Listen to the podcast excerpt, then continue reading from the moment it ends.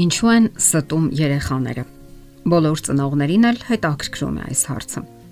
Իսկապես, ինչու են երեխաները ստում։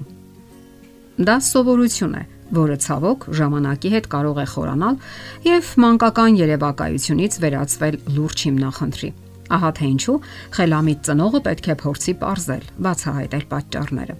Մանկական կեղծիքի ստի պատճառները տարբեր են։ Դիտարկենք դրանցից մի քանիսը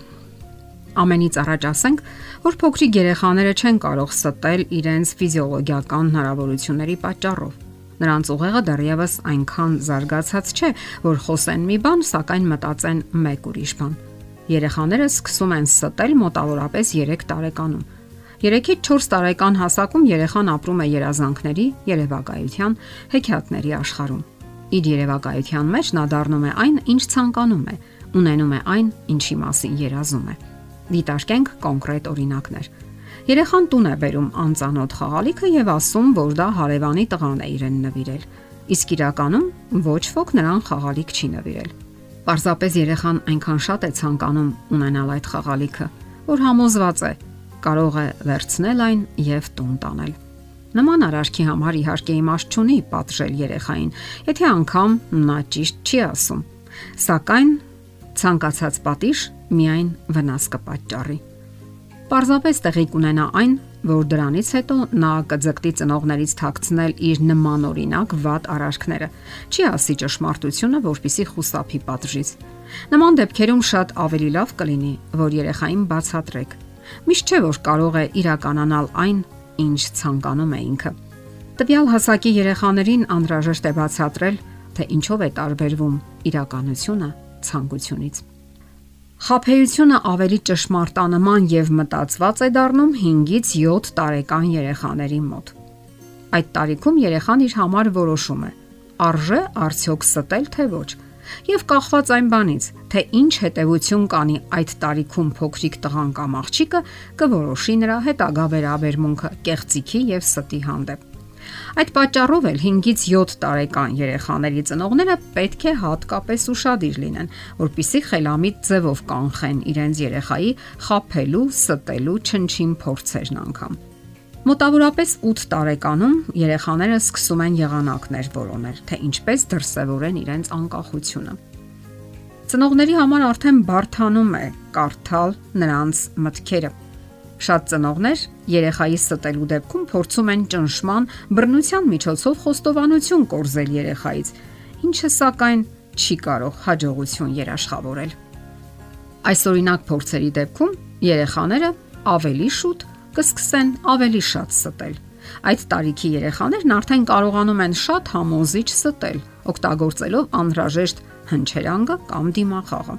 Նրանք չեն մտածում ստի կեղծիքի հետևանքների մասին, Նրանք մտածում են, որ եթե խափեությունը մերկացվի, ապա կարող են փրկվել մեկ այլ խափեությամբ։ Դեռահասային ստախոսության հիմնական պատճառը պատժվելու վախն է։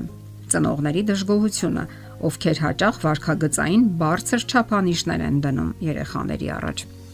Երեխայի կեղծիքը կանխելու համար ծնողները պետք է ավելի հաճախ շփվեն նրա հետ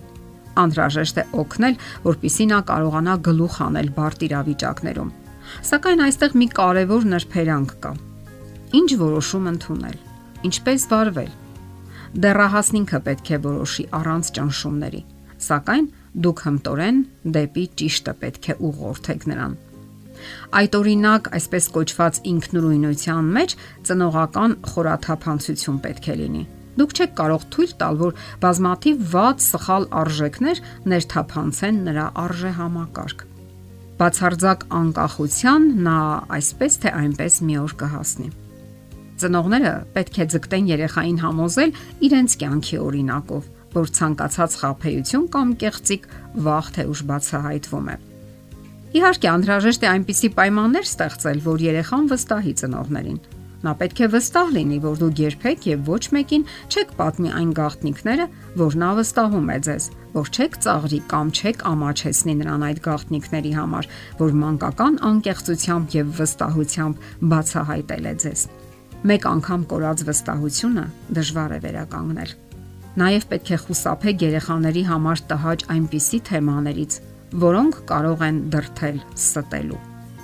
Օգնեք նրան հասկանալու, որ իդեալական մարդիկ գոյություն չունեն։ Իսկ դուք նրա կողքին եք այն բանի համար, որ օգնեք նրան, այլ ոչ թե ցավ պատճառեք։ Չէ որ խափեությունը, ստախոսությունը վերջի վերջո սեփական ուժերի հանդեպ անվստահության արդյունք է։ Անդրաժեշտ է նաև, որ մեծահասակները մի շատ կարևոր ճշմարտություն յուրացնեն։ Եթե դուք ինքներդ եք ժամանակ առ ժամանակ ստում, ապա ազնվության մասին ցանկացած անգամ ամենափոքր խոսքերը դատարկ հնչյուններ կլինեն նրանց ականջներին։ Դուք կարող եք երեխային ասել, որ չի կարելի վատ բառեր օգտագործել, չի կարելի բղավել, սակայն ինքներդ չհետևեք այդ կանոններին։ Արդյոք ձեր երեխան կհավատա ձեզ։ Իհարկե ոչ։ Նրա համար լավագույն խոսքերը ձեր կյանքն է։ Իսկ դա խիստ կարևոր է նաև առողջապահական հարցերի առումով։ Ծխել, խմել եւ այլն։ Ցանկացած ճառ, որ չի կարելի ալկոհոլ օգտագործել կամ ծխել, անիմաստ է, եթե ծնողն ինքը չի հետևում իր խոսքերին։ Եվ երեխան կսկսի անել դրանք պարզապես գաղտնի, ինչև կգա հասունացման եւ այսպես կոչված անկախության ժամանակաշրջանը։ Եվ այսպես, եթե ձեր երեխան ստում է, ապա ժամանակն է, որ վերանայեք դասերակցության վերաբերյալ ձեր մեթոդներն ու մոտեցումները։ Իսկ եթե անհրաժեշտ է, ապա պատրաստ եղեք ինչ որ բան փոխելու այնտեղ։ Դրա մեջ ոչ մի վատ բան չկա, ինչի հետ համաձայն չեն շատ ծնողներ, սակայն կյանքը վաղ թե ուշ կապացուցի դա։ Իսկ ծնողները պետք է համբերատար լինեն։ Եթերում ընտանիք հաղորդաշարներ։ Ձեզ հետ է Գեղեցիկ Մարտիրոսյանը։ Հարցերի եւ առաջարկությունների դեպքում զանգահարեք 094 08 2093 հեռախոսահամարով։ Հետևեք մեզ hopmedia.am հասցեով։